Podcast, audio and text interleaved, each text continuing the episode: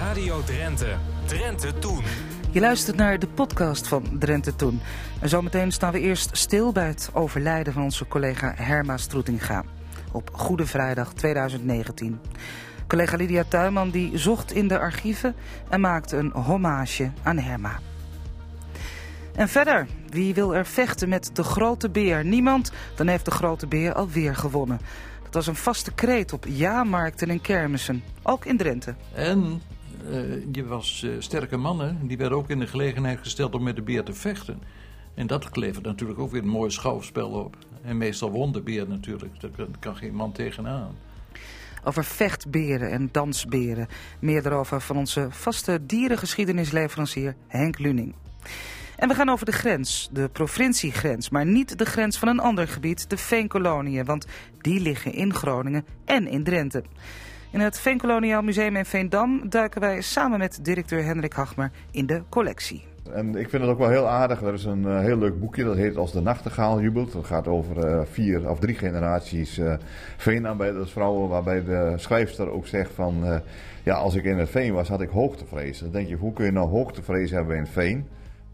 Hoogtevrees in het veen. Zometeen horen wij hoe dat zit. En Gades Bakker uit Koevoorde.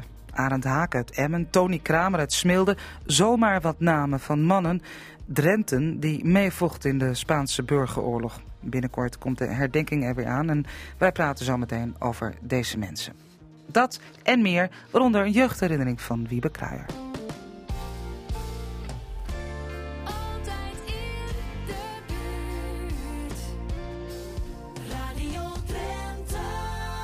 Herma Stroetinga. Jarenlang was ze op deze zender te horen. In tientallen programma's en alweer een hele tijd natuurlijk op de zondagochtend in Opmoord.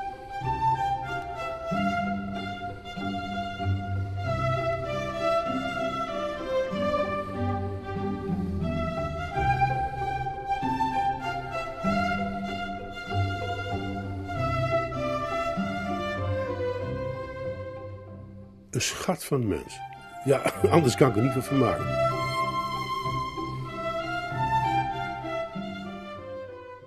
Herma was een, een, een fijn persoon, een lief mens.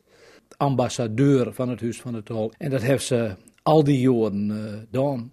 Met uh, gedrevenheid, enthousiasme. Nou ja, op haar eigen, bescheiden, hardwerkende manier.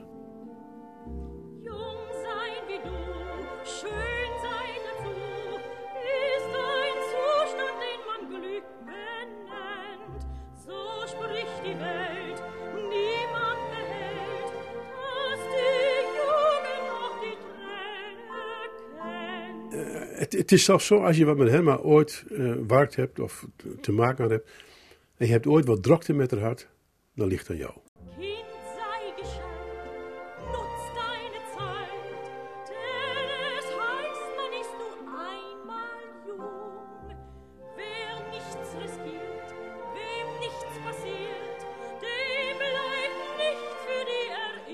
Voor onze rubriek Het Archief duiken we elke week letterlijk de kelder in op zoek naar mooie oude radiofragmenten. Voornamelijk uitgezonden door de Rono, onze voorloper. En wat komen we Herma daar vaak tegen? Iemand die met hart en ziel verbonden is aan die regionale omroep. Want je kunt je het je haast niet voorstellen. Uh, ze heeft zo'n zo, zo 55 jaar bij die omroep uh. In 1963 werkte Herma op de kleuterschool in Rode en kwam in contact met de andere radiocorrivee uit vroegere tijden, Geesje Been. Geesje wilde iets met kinderen doen en zo ging Herma verhaaltjes opnemen. Midden in een heel grote bos stond een withoesie. Het had een puntdakkie, kleine ronde rampjes waar altijd prachtige rode bloempjes en groene vuurdeur. En voor dat piekfijne hoesie was een tuntie. Doorin stonden de mooiste bloempjes die je kunt bedenken. Rooien, geel, blauw, ja, te veel om op te noemen. Het hoesie en de tuin waren van Aleida. Ze was er slim wies met, maar kinder, Aleida was altijd helemaal alleen in dat kleine hoesie. En zul ze dat mooi vinden? Nee, nee. En hoe of dat wel kwam? Nou, omdat Aleida een heks was. Een toverheks. En de dieren en kabouters uit het grote bos waren allemaal vreselijk bang voor haar, omdat ze toveren kunnen. En als ze alleen daar zagen, dan kreupen ze gauw weg. Want toveren vinden ze zo griezelig, hè? En heksen doet soms ook heel gekke dingen. Ze kunt ook vliegen. Weten jullie dat wel? Dansen tovergaan, ik kan zo appeltoven een bier. Ja, dat kunt ze ook. En ze kunt ook toven dat ze op een bezem vliegen. Zomaar heel hoog door de lucht. En op een dag was Aleida het bos uitvleugen en boven een dorp terechtkom. Gelukkig, ze zag geen mens. Maar wel alle bezemstokken nog aan toe. Wat was dat? Door in dat tuintje tussen die bloem. Daar moest ze meer van weten. Ze ging zitten op een dak achter een schursteen. En wat zag ze? Een rood puntmutsie en wit boordie. Een? Kabouter. Ja, en geen gewone kabouter. Nee, deze was van steen. Later kwamen daar Drentstalige liedjes bij en van het een kwam het ander. Ook de samenwerking met haar echtgenoot Henk Platje, samen liedjes maken, opnemen en uitzenden.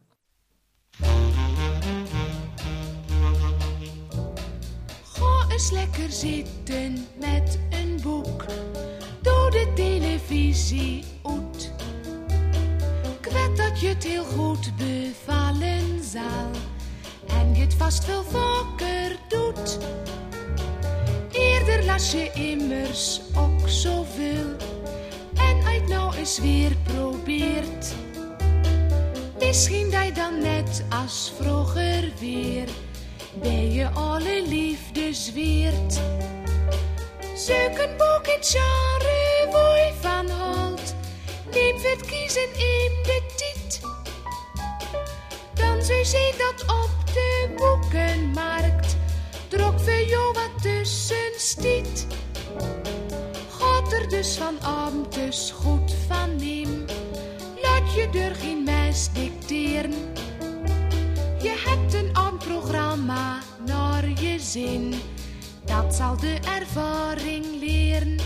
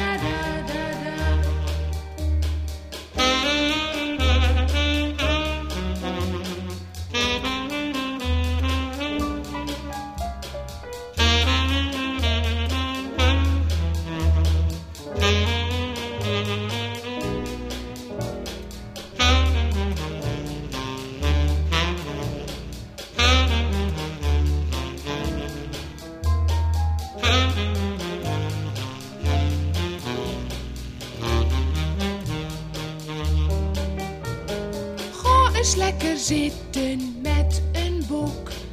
Doe de televisie weet dat je het heel goed bevallen zal. En je het vast veel vaker doet. Eerder las je immers ook zoveel. En uit nou eens weer probeert. Misschien dat je dan net als vroeger weer bij je alle liefde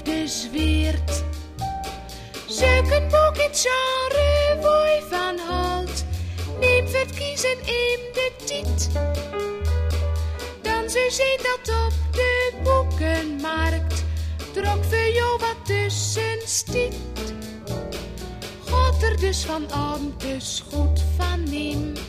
Laat je er geen dicteren. Je hebt een programma naar je zin. Dat zal de ervaring leren. Dat zal de ervaring leren. Terug naar Herma's radiowerk. We vonden een stukje uit de eerste radio-uitzending van Radio Drenthe op 1 januari 1989. En ook daar ontbrak Herma natuurlijk niet. Henny Kuijer is in gesprek met Herma Stroetinga en Roel Rijntjes, die als Thomas Vaar en Pieter Nel een stuk brengen. Ja, en uh, ook u Drenthe, ze bent hier ondertussen uh, allerlei dingen aan het opstellen voor de big band die hier dom is opgetreden. Maar hier bij mij staat uh, Thomas Vaar en Pieter Nel. En dat bent Roel Rijntjes en Herma Stroetinga. Wie, wie heeft de tekst gemaakt? Ik heb de tekst gemaakt, ja. Hij er lang over gedaan? Nee, want ik was zo bevleugen door de nieuwe Rono dat het riegelde de roet. Ja, maar je niet meer zeggen, hè, Rono? Nee, het is ook zo Radio Drenthe, maar ik ben wat uh, ouderwets, dat zien we wel aan de kleer. Iedere keer uit de Noord en dan doen we weer de piep de deur in, want dat willen we niet langer hebben. Goed zo, je hebt gelijk. Ze waren nog uh, op zoek naar een piano erachter. Dus als uh, het volk nog dommies denkt, wat begint er nou toch tussen, tussendeur te spelen, dan, uh, dan doen we dat nog maar. Sowieso zal ik willen vragen of de Drenten, die nou de radio aan hebt en inmiddels allemaal wat wakker begint te worden. Want zo giet het natuurlijk toch op de eerste dag van het nieuwe jaar. En alle mensen hier in de kolk in Assen, graag gewoon aandacht voor Thomas Vaar en Pieter Nel, Roel Rijntjes en Herma Stroetinga. Een nijjaar met een nij begin, met één ding dat niet beter kun. Radio Drenthe giet van start. Oh, Pieter Nel, warm wat met hart. Ja, Thomas Vaar, dat is mij klaar. Wij kijkt vooruit naar het nieuwe jaar en ook weerom naar wat verglee en wat de oude jaar oes deed. Oes uildrik zie, dat is een wicht zo sierlijk als een ree. Ze knabbelt aan de alle bast van de starre VVD. En stoere Vree en tante Jo wat gek van haar manoeuvres, oes Dieneke een heigend hert en veulen zonder teugels. Alles schiet voorbij, Daan Huizinga gung van oes hen. Ach, veel te vrouw, elk die hem kende, werd van zijn moed in kapingselende. Het leven stroomt zien hen gaan stemt oes droef. Ach, wat een getweer, een nardingsnaam. Oh, Thomas Vaart, hart krimpt mij saam. Ik denk aan alles wat het deed, zo goed bedoeld. En het eind is wee, want wat is recht en wat is goed? Profeten eet uit brood en stoet. Geef wiesheid, Heer, aan onze volk. Jan blijft verveulen toch een talk. En journalisten vult de prooi, zowel in Drenthe als in Gooi. Mangs wordt het harte oes benauwd, want wat is goed en wat is fout? Peter en de Wolf in het Drents was ook zo'n project waar Herma aan meewerkte. Drentstalig, voor kinderen, haar op het lijf geschreven. En natuurlijk ook zo'n perfecte combinatie vanwege Herma's grote kennis van de klassieke muziek en haar liefde daarvoor. En zo stonden de zaken nou. De kat op de ene tak van de boom. Het vogelie zat op een andere tak vanzelf een entie van de kat af.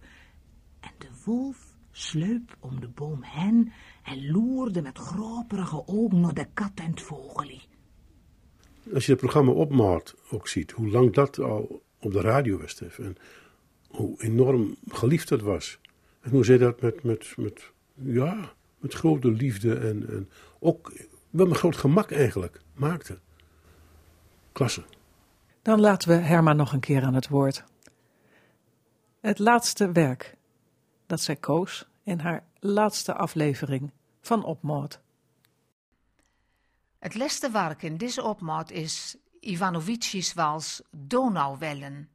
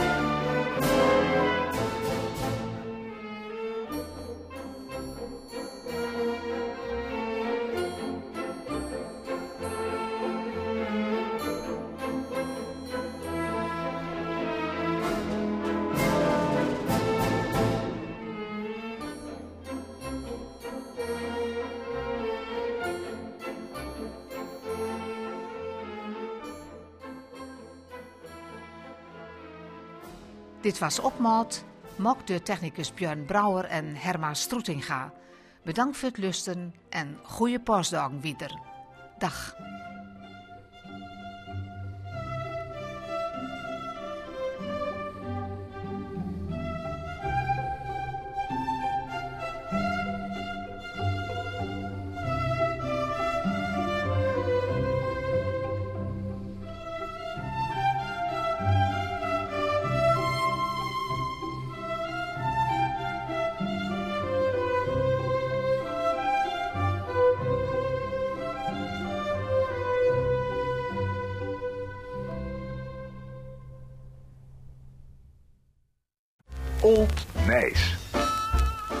Koningsdag ligt net achter ons en dat inspireerde ons een museum in alle kranten te spitten naar hoe in vroeger tijden Koninginnedag vierd werd.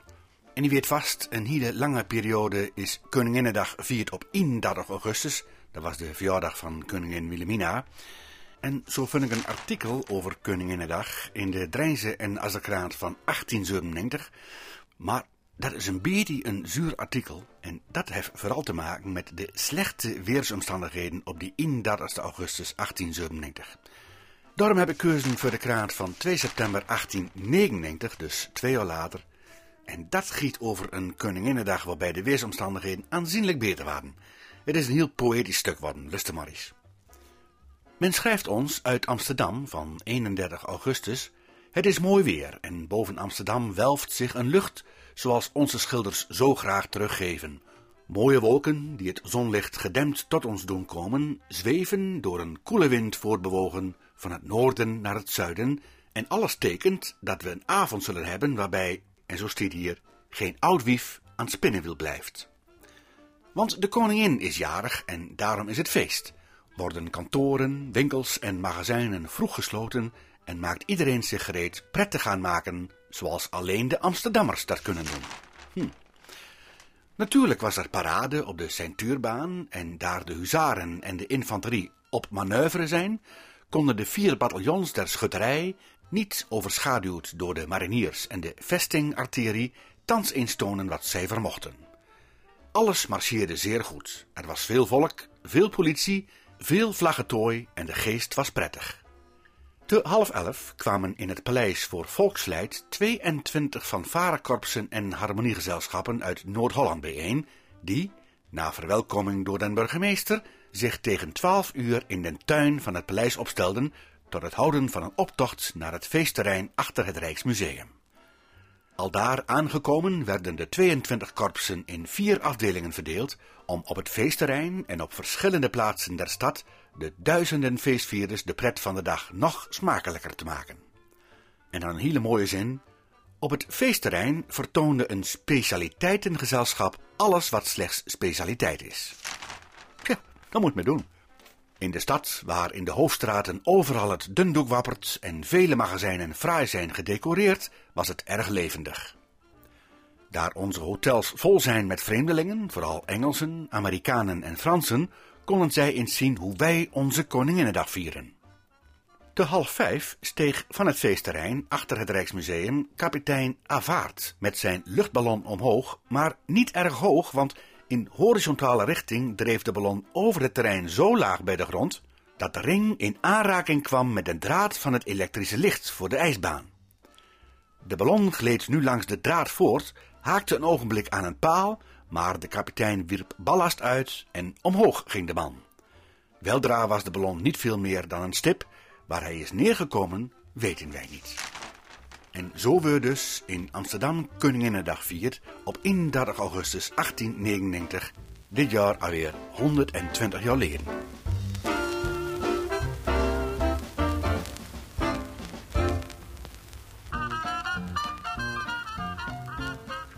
Radio Drenthe presenteert opnamen uit het archief.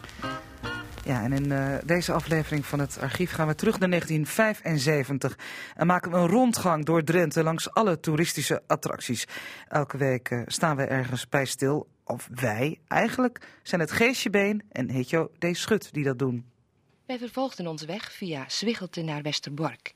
Hier stapten we uit bij de antiekboerderij van Gerda en Bert Klomp in het oosteinde van het dorp. In de in Drentse stijl ingerichte kamer serveert Gerda Klomp een heerlijke bruine bonenmaaltijd. Maar alleen volgens afspraak.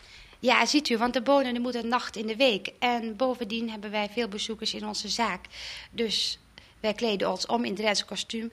Je hebt een uur voorbereiding nodig. Het kan niet dadelijk en direct als de mensen komen. Echt volgens afspraak. Minstens vier en maximum twaalf personen. Er wordt er veel gebruik van gemaakt? Ja, erg veel. De mensen die geweest zijn, zijn vreselijk enthousiast. Aan de buitenkant van de boerderij kun je niet zien dat het van binnen eigenlijk zo gezellig is, zegt men. En dat is al veel waard. En wat serveert u bij de bruine bonen? Nou, het begint met een glaasje boerenjongens vooraf. En degenen die geen alcohol gebruiken, krijgen kersen op sap uit de wekfles. Daarnaast komt er dus bruine bonen met uitgebakken dobbelsteentjes spek, zelfgemaakte appelmoes, stroop uit de oude strooppot, mosterd uit de 18e eeuw tinnen mosterdpotje, rauw ui moet men zelf snipperen, zure augurkjes en zure uitjes zoveel als men lust, een kannetje azijn, zout en peper. U moet niet vergeten, dit valt of staat met een paar hele subtiele dingen. Wij bedienen dus in oud kostuum. Men krijgt geen servet, de schutteldoek op tafel, waar vroeger iedereen de mond aan afveegde. Verder dus uh, geen dienblad gebruiken, dat is ook uit de boze, dat mag niet. Het staat wel niet zo netjes, maar uh, daar bereiden de mensen op voor. U onderhoudt zich uh, tijdens het eten ook met de mensen? De klanten durf ik als nauwelijks te zeggen, maar... Wij zitten er niet bij als ze aan het eten zijn, maar meestal men krijgt koffie toe uit de kraantjeskan. Drinken we dus een kopje koffie met ze mee en heb je erg veel contact. De Spaanse burgeroorlog. En we hebben hem al eerder in het programma ontvangen, Cor Faber over die Spaanse burgeroorlog en over de Drenten die daarin meevochten en zijn grootvader die ermee te maken had. En vanmiddag is hij terug. Welkom Cor. Dankjewel. En heeft Hetty van der Hal meegenomen. En ik mag Hetty zeggen, Hetty, fijn dat je er bent. Zometeen, uh, nu even heel kort, Hetty, gaan wij praten over de, de herdenking uh, van, de, van de Spaanse burgeroorlog. En ook het, het persoonlijke verhaal. Uh, je vader, Johan Hordijk, was een oud Spanje-strijder. Maar eerst, uh, en Cor, misschien kun jij hierbij behulpzaam zijn. Um, de Spaanse burgeroorlog, wie het niet meteen op het netvlies heeft. Het is eigenlijk best een ingewikkeld verhaal, die oorlog. Ja, Jaren 30, Spanje, ja. ten prooi aan een, aan, een, aan, een, aan een gewelddadige burgeroorlog. Omdat het land zo verdeeld is en allerlei groepen en partijen de macht in handen proberen te krijgen. Mm -hmm. hoe, hoe zit het precies in elkaar? Uh, nou, je moet je voorstellen dat uh, tot aan 1931 zo ongeveer, toen werd Spanje van een koninkrijk, werd het een republiek. Uh, er waren heel veel sociale omstandigheden daar. Het volk was jarenlang, eeuwenlang uitgebuit. toen het in 1931 een, re een, republiek werd, toen werd het, het leger werd behoorlijk ingedampt. Dat is niet in goede aarde gevallen. Uh, vanaf 1931 tot 1936 was het een, een, gigantische chaos in Spanje. Sociale onrust, landeigenaren vermoord, et cetera. En op uh, 18 juli is de, de opstand begonnen die na ongeveer een maand of twee in een echte burgeroorlog ontaarde. Ja, en wat heeft de rest van de wereld daarmee te maken? Hetty? Nou, in die tijd uh, was in, uh, in Duitsland, waren, de, waren er ook al problemen.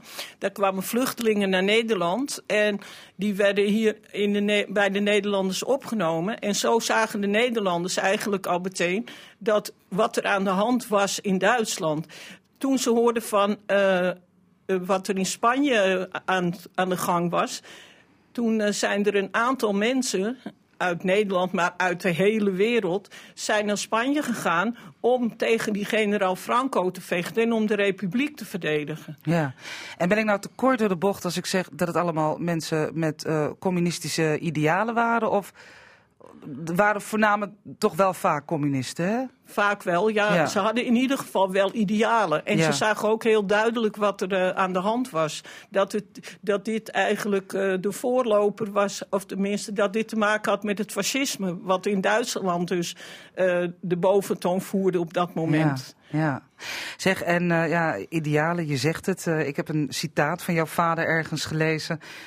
Je ging niet als avonturier, maar je ging uit principe. Johan Hordijk, uh, jouw vader, hoe oud was hij toen hij naar Spanje ging? Mijn vader was geboren in 1909, dus hij was uh, 27. Ja. 28, 27. Hij is in uh, juni 37 gegaan. En als hij zegt, je ging uit principe, dan waren dat zijn politieke overtuigingen? Ja, zeker. Ja. En ook wat ik net zei, dat ze, dat ze zagen dat er uh, uh, fascisme in, het, in Europa was, in, vooral in Duitsland, en dat dat daar ook aan de hand was. Ja. En om, om daartegen te vechten eigenlijk. Kun je wat meer vertellen over zijn, zijn reis naar Spanje? Dat ging altijd via Parijs, hè? Waarom, ging... weet ik niet, maar... Misschien kunnen jullie ja, dat daar werden ze, werden ze verzameld in Parijs. En dan gingen ze met de trein uh, naar het zuiden. En dan meestal lopen door de Pyreneeën. Eh, ik weet er niet, niet zoveel zelf van. Hè. Hij heeft, ik heb met mijn vader er heel weinig over gesproken. Omdat mijn vader ook van alles had meegemaakt daar. En eigenlijk liever daar niet over sprak. Nee. Dat heb ik weer via een ander familielid gehoord. Ja. Dat hij daar uh, naar de dingen had meegemaakt. Een vriendin van hem die voor zijn ogen was doodgeschoten. Dus dat hij daar eigenlijk niet over sprak. Dat zie je vaak natuurlijk. Hè? Dat, ja, ik wist, ja. ik wist wel hoe het in de Tweede Wereldoorlog met hem is gegaan. En dat hij ondergedoken heeft gezeten enzovoort. Maar over die Spaanse burgeroorlog heeft hij me nooit zoveel uh, verteld. Nee. Cor, jij hebt die Spaanse burgeroorlog bestudeerd. Uh, mm-hmm. Ook aan de hand van een familielid. Maar uh, je wilde net al wat zeggen. Nederlandse mannen, waren trouwens ook vrouwen, maar over het algemeen mannen. Die gingen dan naar Parijs, daar werden ze verzameld, geïnformeerd. En dan door naar Zuid-Frankrijk en die Pyreneeën over. Ja, nou waar ik eigenlijk uh, iets meer over wil vertellen is waarom Parijs. Je moet je voorstellen dat uh, Rusland had er natuurlijk alle belang bij dat Spanje communistisch zou worden. En dat centrale bureau in Parijs is dus opgestart door de communisten. Met een, uh, ja, een flinke invloed vanuit, uh, vanuit Moskou. Ja. de, de, de communisten willen natuurlijk zo efficiënt mogelijk werken. Dus je kunt door heel Europa of heel de wereld allerlei bureaus gaan neerzetten. Maar Parijs was natuurlijk wel een beetje een soort sterpunt waar vandaan uh, die mensen daar, uh, daarheen ja. gestuurd werden. En laten we wel wezen, dit, dit ging natuurlijk niet in alle openheid, hè? Want het was... Mm. Dat, nee, het hè? was allemaal... Uh, ja, het was allemaal met, met codenamen en briefjes en weet ik veel wat... waardoor ze elkaar ontmoeten. Want het, uh, er was niks, niks opens. Een heleboel mensen die daar naartoe zijn gegaan... hebben dat thuis ook niet verteld in eerste instantie. He, ze, ze verdwenen in een en als ze daar zaten... dan lieten ze pas wat van zich horen meestal. Ja. Kun je ook zeggen dat, um, ja, misschien niet voor de mensen die jullie uh, gekend hebben... maar in zijn algemeenheid dat er ook heel veel jonge mensen naartoe gingen... die eigenlijk nog geen idee hadden wat ze daar te wachten stond? Uh, waarschijnlijk wel. Uh, kijk, het was natuurlijk een beetje gemaleerd gezelschap.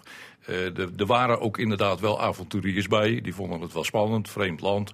er waren ook mensen die wilden ontsnappen aan, aan de, de justitie bijvoorbeeld. Ja, en niet alleen in Nederland, maar andere landen ook. Het overgrote deel echter was inderdaad vanuit idealistische overwegingen. Ja. Socialisme, communisme, et cetera. Ja. ja. Zoals Johan Hoordijk, jouw vader Hetty. Um, maar toen hij daar was, kwam hij als, wel vrij snel als verpleger aan het werk, hè? Ja, mijn vader uh, was eerst bij de slag bij de Ebro, of tenminste bij de gevechten bij de Ebro enzovoort. En daar raakte hij gewond en hij kwam in het ziekenhuis terecht. Hij had ook een uh, liesbreuk waar hij aan geopereerd moest worden. En hij kwam in het ziekenhuis terecht en uh, daar hebben ze me eigenlijk gevraagd om mee te gaan naar het front als verpleger, als sanitario. Om uh, gewonden te verplegen en zo. En hij schrijft ook in, ze, in het artikel in de Tyfoon. Uh, de, de, de, de Saanse Courant, hè, uh, schrijft hij ook dat hij zich verbaasde over wat voor wonden hij had verbonden. Dat hij dat allemaal had gekund. Ja. Want hij, ja, hij was dat in principe niet gewend. Hij was houtbewerker. En dat hij daar dan in ene als verpleger aan het werk was, dat, dat heeft hij heel bijzonder gewonnen. Heb ik ook in het interview gelezen hoor. Want mijn vader is al in 1980 overleden. En ik zeg al, ik, ik heb daar niet veel nee. met hem over gesproken. De krant heeft hem uh, een jaar voor zijn overlijden geïnterviewd. Ja, hè? Ja. ja. Waar we even kort uh, over moeten hebben, gaan we daar zo meteen naar de plaat over doorpraten, is dat, ja, je noemde het al, Nazi-Duitsland. Het tegen de achtergrond, wat hier allemaal in Europa gebeurt, speelt zich dit af. En niet te vergeten dat als je terugkomt, zoals jouw vader, heb je geen paspoort meer. Nee. Je bent statenloze. Ja. En dat betekende dat hij in de oorlog moest onderduiken. Ja. En dat gold voor heel veel mannen, denk ik. Wij praten over de Spaanse burgeroorlog. En dat doe ik met Hetty van der Hal. Uh, die zit hier bij mij in de studio samen met Cor Faber. En Hetty's vader, Johan Hoordijk, was een oud Spanje-strijder. En um, ja, zoals dat zo vaak gaat, Hetty, we hebben het net ook besproken. Je hoorde er niet heel veel over, want je vader, ja, het leven gaat door, hè, wat dat betreft. Jazeker. Ja. Toen, uh, toen de uh, Tweede Wereldoorlog achter de rug was en hij dus uh, zich, door zich steeds te verstoppen had overleefd, toen ging hij met een karretje achter zijn fiets langs zaaltjes om te vertellen over wat hij had meegemaakt en ook om de film te laten zien van de Spaanse aarde en uh, Potemkin, Kruisen Potemkin ja. en andere, andere dingen. Ja. Um, je bent ook voorzitter van de, de stichting Spaanse Burger, oh nee, Stichting Spanje 1936-1939. Elk jaar organiseren jullie de herdenking. Daar uh, kom ik zo meteen op terug, uh, tot slot. Maar um, de Drenten in de Spaanse burgeroorlog, daarvoor hebben we Cor Faber hier aan tafel zitten.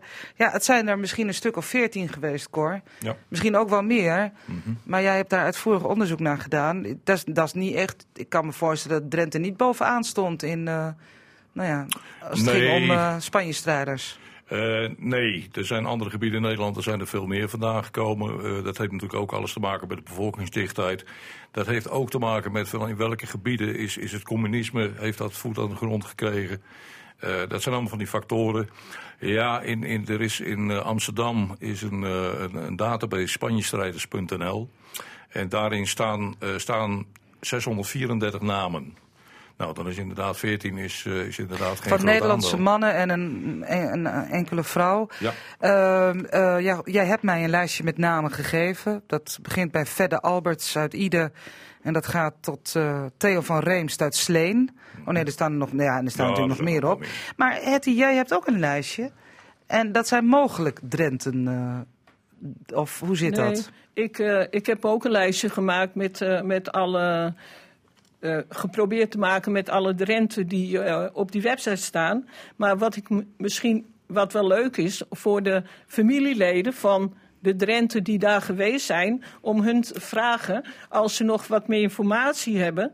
En een aantal, die, daar hebben we al veel informatie van gekregen, dus die hebben al een hele, hele biografie erop staan. Maar ik heb drie namen. Dat is uh, meneer Hendrikus Hofman, Hendrik Bijmholt en Geert Kuil. Daar staan maar heel weinig gegevens van op de website. En wie weet luisteren nu familieleden of zo die dan Ja. uh, contact kunnen opnemen met uh, Spanje 3639 gmail.com. Of voor ons, dan brengen Of- wij ze of- met jullie in ja. contact. Maar wa- waar komen deze eh, twee Hendrikken en één Geert vandaan? Ook van de website. Ja, maar uit Drenthe. Uit Drenthe. Of, Ja, of was dat nog niet duidelijk? Ge- Geert, eh, Hendrik Hofman komt uit Emmen. Ja. Uh, Bijmholt uh, komt uit Gasselte. En Geert Kuil komt uit, ook uit Gasselte. Ook uit Gasselte. Nou, wie weet. En dan eh, hebben we nog een vervolg op dit verhaal. Eh, ja, we hadden al eerder vastgesteld, hè, dat weet natuurlijk iedereen, maar het is niet verkeerd om je daar bewust van te zijn. Dit speelt zich allemaal af tegen de achtergrond van de opkomst van Nazi-Duitsland. In Nederland is het men ook druk met eigen bezonjes. Economisch gaat het ook niet eh, erg goed. Ehm, hebben jullie wel eens het gevoel dat, dat de Nederlanders in de Spaanse burgeroorlog, eh, nou ja, dat daar weinig aandacht voor is? Hoe, hoe moet ik dat zien? Ja, Het- zeker. Ja, Ja? zeker. Ja, niet alleen het gevoel. Het is, eh, ik heb in de praktijk gemerkt dat dat inderdaad zo is. Eh, een deel daarvan eh, is debet aan het feit dat er eigenlijk toch nog een bepaald gevoel van schaamte is. Men heeft het genegeerd. eh, destijds de Spaanse burgeroorlog eh, had kunnen ingrijpen, maar heeft het niet aangedurfd. Maar schaamte bij wie? Bij, Bij, ja, Nederlanders in, in het algemeen. En eh, kijk, van, vanuit de overheid moeten dus de, de lesprogramma's aangestuurd worden. En wat mij opgevallen is, is dat daar eigenlijk niet of nauwelijks iets in zit over. Ja. Maar ja, ik zou ook kunnen zeggen, er gebeurde al zoveel. Er was misschien gewoon Hmm. minder aandacht voor in die tijd. Dat weet ik niet. Hetty, wat denk jij? Nou, achter, kijk, wat, eh, hoe dat ontstaan is, denk ik, is Uh, in de eerste plaats uh, de mensen die terugkwamen uit Spanje. Nou, daar werd heel negatief over gesproken. Hè. Er is ook toen een, radiodocumentaire geweest van de VPRO... Die, waar duidelijk werd dat de mensen die terugkwamen op de, op de stations mochten, werden geen mensen toegelaten hè, om ze te ontvangen of zo. Ze werd echt heel negatief over gesproken. Vooral omdat het toen, toen natuurlijk, omdat het grotendeels communisten waren. Dus ja. daar werd heel negatief over gesproken. Ten tweede is het natuurlijk zo dat uh, het, het uh, Spanje van Franco uh, vrij vlot door Nederland werd erkend. En dat wij uh, in Nederland, zoals het altijd is geweest, niet over uh, bevriende staatshoofden negatief praten. Dus dit soort dingen kwamen niet goed uit. Als je kijkt dat de Nederlanders uh, dat de Nederlanders zijn die pas begin jaren zeventig hun Nederlanderschap hebben teruggekregen. En dat met een, met een enorme willekeur. Hè. Het, het maakte niet uit wat je gedaan had daar. Hoe, uh, hoe kwam het voor de, de ambtenaar uit dat Jantje vandaag het kreeg en Pietje morgen? Ja. Jouw vader raakte zijn, uh, raakte de, uh, zijn paspoort kwijt, ja. maar kreeg hem vrij snel naar de oorlog ja, terug. Ja, 1948. ja. Ja. ja.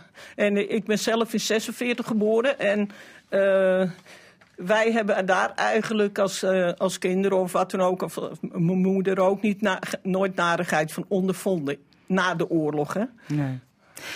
Bedankt voor jullie komst. 8 mei, dan is de herdenking in Amsterdam. En jij bent uh, voorzitter van die stichting. Ik noem hem al Spanje 1936, 1939. Hoeveel mensen, hoeveel mensen tref je daar dan, Hetty? Uh, nou, uh, ik verwacht 80 tot 100 mensen. Ja. En elk jaar hebben we die herdenking daar. En in 2016 is daar een He, hebben we daar een groot symposium aangehangen, plus een tentoonstelling, omdat het toen 80 jaar geleden was dat de eerste brigadisten naar Spanje gingen. En uh, sindsdien uh, ja, wordt het alleen maar meer. Dus de interesse van de bevolking is er wel, alleen het onderwijs, dat is echt dramatisch slecht daarover. We wachten het af. En we wachten ook okay. af of uh, de luisteraars ons kunnen helpen met de zoektocht uh, naar Hendrik Hofman uit Emmen, Hendrik Bijmold uit Gasselte en Geert K. uit Gasselte. Dank jullie wel voor jullie komst. Graag gedaan. Cor Faber Graag gedaan. en Hetty van der Hal. Wie wil er vechten met de grote beer? Een vaste roep was dat op jaarmarkten en kermissen. De Oost-Europese berenleiders bezochten ook Drenthe en lieten voor het publiek de beren dansen en met mannen worstelen. Onderzoeker Henk Luning ploost de archieven na op berenverhalen en kwam als eerste de 17e-eeuwse historicus Picard tegen, die over de rondzwervende berendresseurs niet veel goeds te melden heeft. Ze hebben getoond dat ze waren een hoop boeven, wikkers en waarzeggers, nergens beter in geoefend als in behendiglijk stelen. Het waren, gewoon zwervers en die probeerden op allerlei manieren dus een paar centen te verdienen. Ja, zigeuners werden genoemd, bohemes, uh, het, draaide voornamelijk om vreemde en haveloze groepjes van berenleiders met hun gezinnen, uh, die hier en daar dus ook soms zelf vergunning kregen om uh, zichzelf en hun dansende beren te vertonen voor geld. Ook de schoolmeester die, die had er soms wel geld voor over, dat de kinderen dus eens een keer een beer te zien kregen. Ja, dat baarde natuurlijk enorm uh, opzien in het Drenthe van die dagen. Dat Ja, er uh, ja. een groep, zeg maar, anders uitziende mensen uh, ineens binnenkwam met, met zo'n groot dier bij zich. maar men werd daar eh, wel heel gauw werd men zat van die lui. Dan gaat de overheid dus ook eh, maatregelen nemen en die gaat eh, dus eh, verbieden dat je die lui dus eh, herbergt en dat je ze dus- dus betaalt en zo. En eh, dus ze worden over de grens gezet. Dat is dan over de dorpsgrens natuurlijk, hè? Aha. Dus uh, dan zat het volgende dorp met het probleem, zeg maar. Ja, ja, ja. En uh, zo waren er in 1854 ongeveer 20 uh, personen, mannen, vrouwen en kinderen, die in Assen aankwamen. En ze kwamen daar niet voor niks, want er werd een grote tentoonstelling gehouden in Assen. Dus daar, komt veel volk op af. En eh, ja, zelfs de koning was er en prins eh, Frederik. Eh, en daar kwam het volk op af. Dan gingen ze daar hun voorstellingen ook uh, houden bij zo'n Ja, feestdag. Ja, ja, ja. Maar dat werd uh, meestal dan niet met vreugde ontvangen. Nee. Die, die beren, hè, tegenwoordig is dat heel, heel zeldzaam geworden. Dat zie je eigenlijk niet meer. Maar dat, dat was eigenlijk voor die, voor die dieren geen, geen pretje, hè? Nee, vooral als je dus kijkt hoe die beesten dus opgeleid werden. Kijk, die beren die kwamen uit het oosten dus, uit de Karpaten vaak, uit de Balkan. En ze waren als jong dier daar gevangen, nadat hun moeders met een, dot honing van een hol waren weggelokt. En, dan vingen ze die jonge beren. En uh, de hoektanden die werden er vaak uitgebroken. En ook waren ze soms hun klauwen kwijt. Ze kregen een ring door de neus en een dubbele ketting om de nek. En soms waren ze ook nog blind gemaakt. En uh, wat helemaal dus erg is, dat ze gedresseerd werden met gloei, gloeiende poken.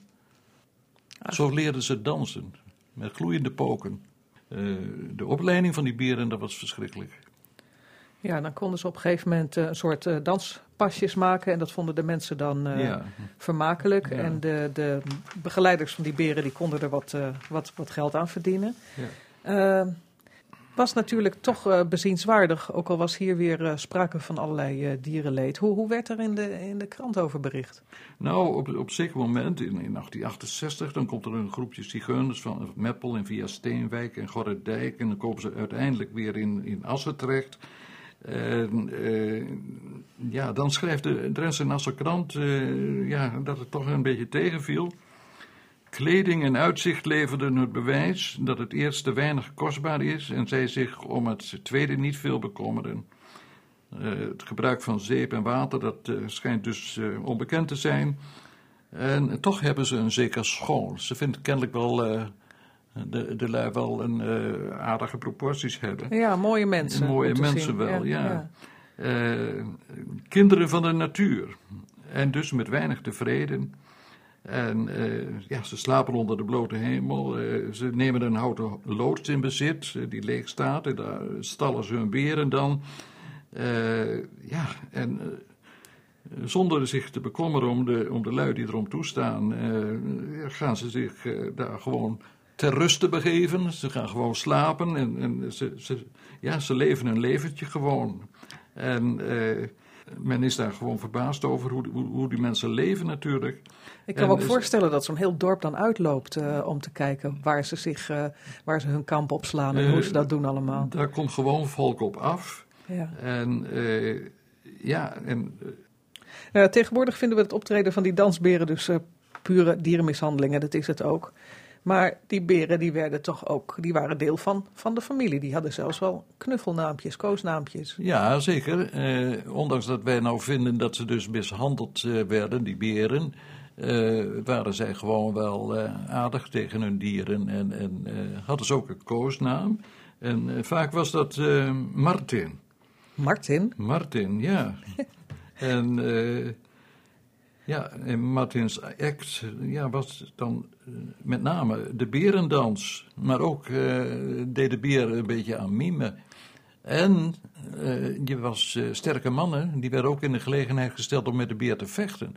En dat levert natuurlijk ook weer een mooi schouwspel op. En meestal won de beer natuurlijk, daar kan, geen man tegenaan. Nee. Dat, maar omdat die beer zijn klauwen en zijn tanden kwijt was. Uh, was ja, is dat niet zo gevaarlijk. Maar uh, en die beer die wist ook precies wat hij moest doen natuurlijk. Hè? Die was daar helemaal op getraind. Een unieke kans om eens een keer met een beer te vechten. Om je met Martin te meten, zeg om maar. je met Martin te meten, ja. ja. Uh, de laatste beren, wanneer hebben we die hier in, in Drenthe gezien? Uh, de laatste berenleiders, daar zijn berichten over, uh, dat is ongeveer in de dertig jaren van de 20e eeuw. Na die tijd dan komen ze niet meer. En dat heeft ook alles te maken met de ontwikkelingen in Duitsland, met Hitler, met de oorlog.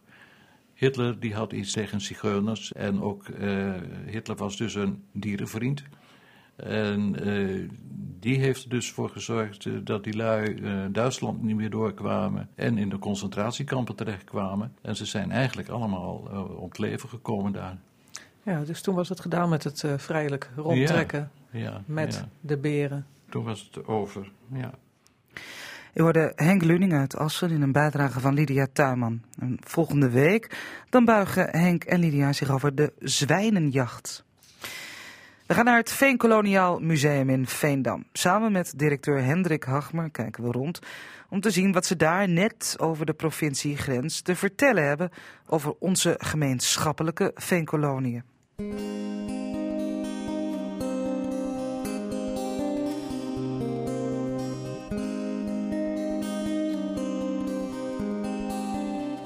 We lopen nu tussen uh, stapels, uh, tussen muren van turf door.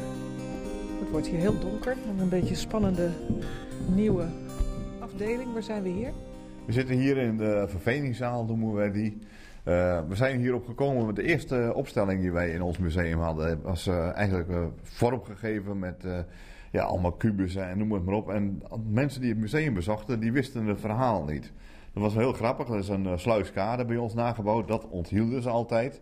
Maar we vertelden over de vervening, we vertelden over de prehistorie. Als je mensen ging navragen, dan hadden ze daar helemaal geen herinnering aan. Dat bleef Toen niet hangen? bleef niet hangen, nee. En toen kregen we een jaar of twaalf geleden is inmiddels alweer de kans om het museum weer om te bouwen. En uh, toen moesten we aansluiten bij Cultuurcentrum van Berenstein. En toen hebben we gezegd van nou, we moeten toch meer met decors gaan werken. Een beetje ouderwets, maar dan hebben de mensen en ook kinderen het gevoel van... We zitten hier in een hoogveengebied. Wat is nou hoogveen? Laat gewoon zien dat het hoog is. En dat er dus gewoon vier meter weggegraven is. En dat is zo'n beetje de hoogte die wij hier ook uh, vertonen. Ja, dus die muren van turf, van veen, waar we nu tussen staan, die waren dus... Ja, ik kan me er nu ook voor het eerst echt iets bij voorstellen dat ze zo diep gegraven hebben Ja. om bij die zandlaag uiteindelijk uit te komen. Ja, dat klopt. Ja, we hebben ook een hele mooie foto. Die komt binnenkort ook hier in eh, onze tentoonstellingsruimte.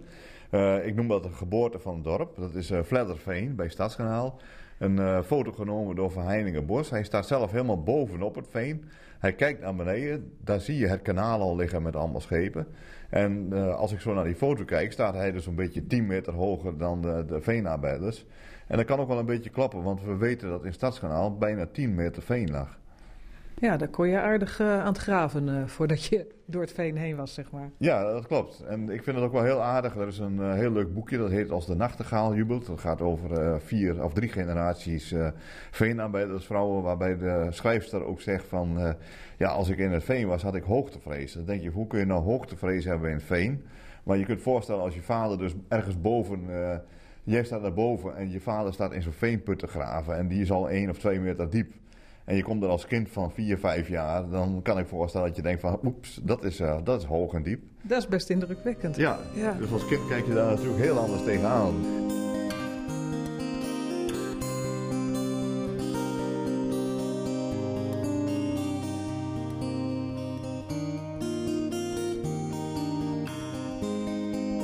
Maar het is ook voor toeristen, we merken ook van ja, nu zien ze pas, het is hoogveen. Je hebt laagveen, dat wordt dus eigenlijk gebaggerd.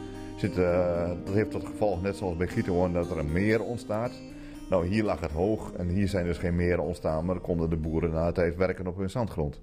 Je had het net over een foto die binnenkort nieuw in de tentoonstelling ja. te zien zal zijn. Uh, vertel, hoe, hoe, hebben jullie die opgedoken? Dat is wel uh, grappig. Die lag in een uh, huis hier in Vindam als glasplaat.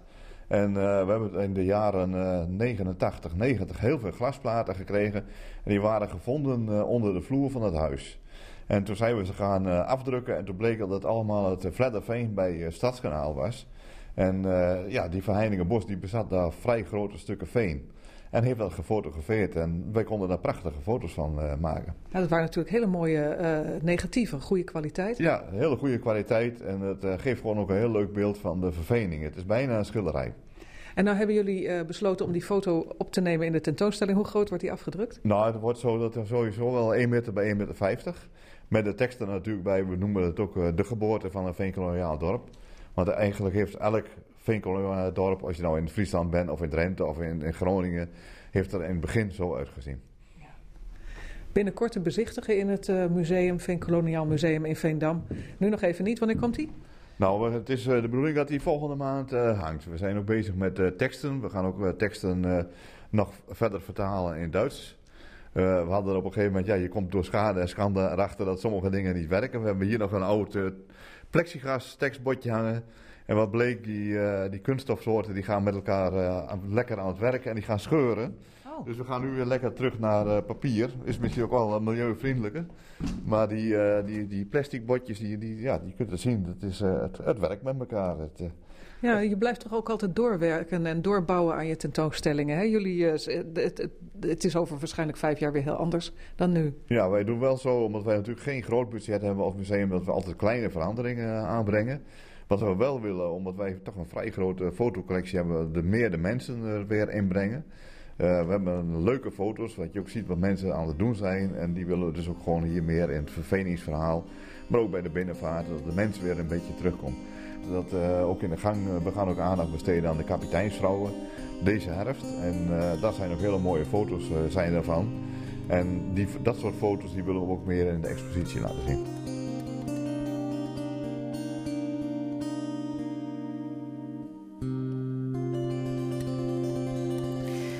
Door een bijdrage van Lydia Tuinman. In de volgende uitzending gaat het over de schippers in het veen. Ja, het programma zit er bijna op, maar niet voordat wij naar een jeugdherinnering hebben geluisterd van Wiebe Kruijer, voorgelezen door Robert Oosting.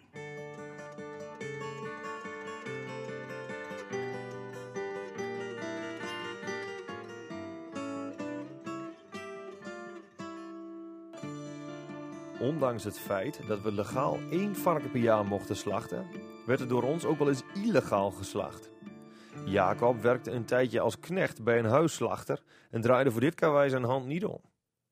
Ook een gemest stierkalf moest er op een bepaald moment aan geloven. Eens hadden we net clandestine varken geslacht en nauwelijks hadden we de rommel daarvan opgeruimd of er stond een controleur op de stoep. Natuurlijk moest hij ook het varken controleren, maar die hing goed en wel op de ladder achter wat hooi te versterven. Mijn vader wist de controleur echter aan de praat te houden en in de tussentijd had Jacob de gelegenheid om de vervangende big, die voorlopig bij de buurman was gestald, op te halen en in het hok te zetten. De big gilde bij het vervoer natuurlijk als het spreekwoordelijke magere varken en bovendien was hij een stuk kleiner dan het varken dat de controleur een vorige keer had gezien. Maar alles liep met een sisser af.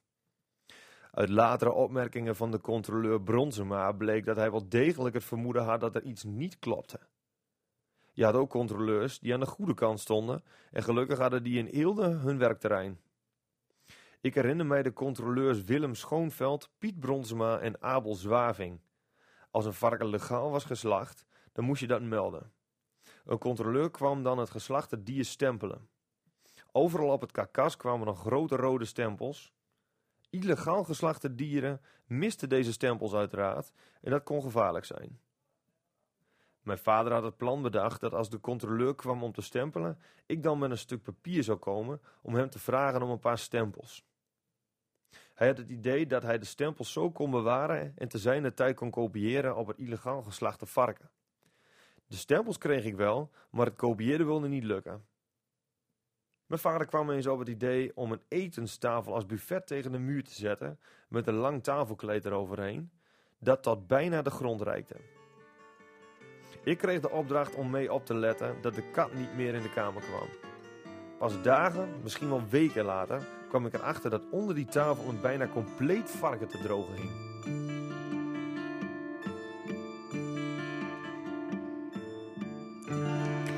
Tot zover Wiebe Kruijer. Je luisterde naar de podcast van Drenthe Toen. Luister ook eens naar onze andere podcasts van Radio Westerbork bijvoorbeeld. Cassata, de Sportcast of Binnen de Muren. En laat ons weten wat je ervan vindt.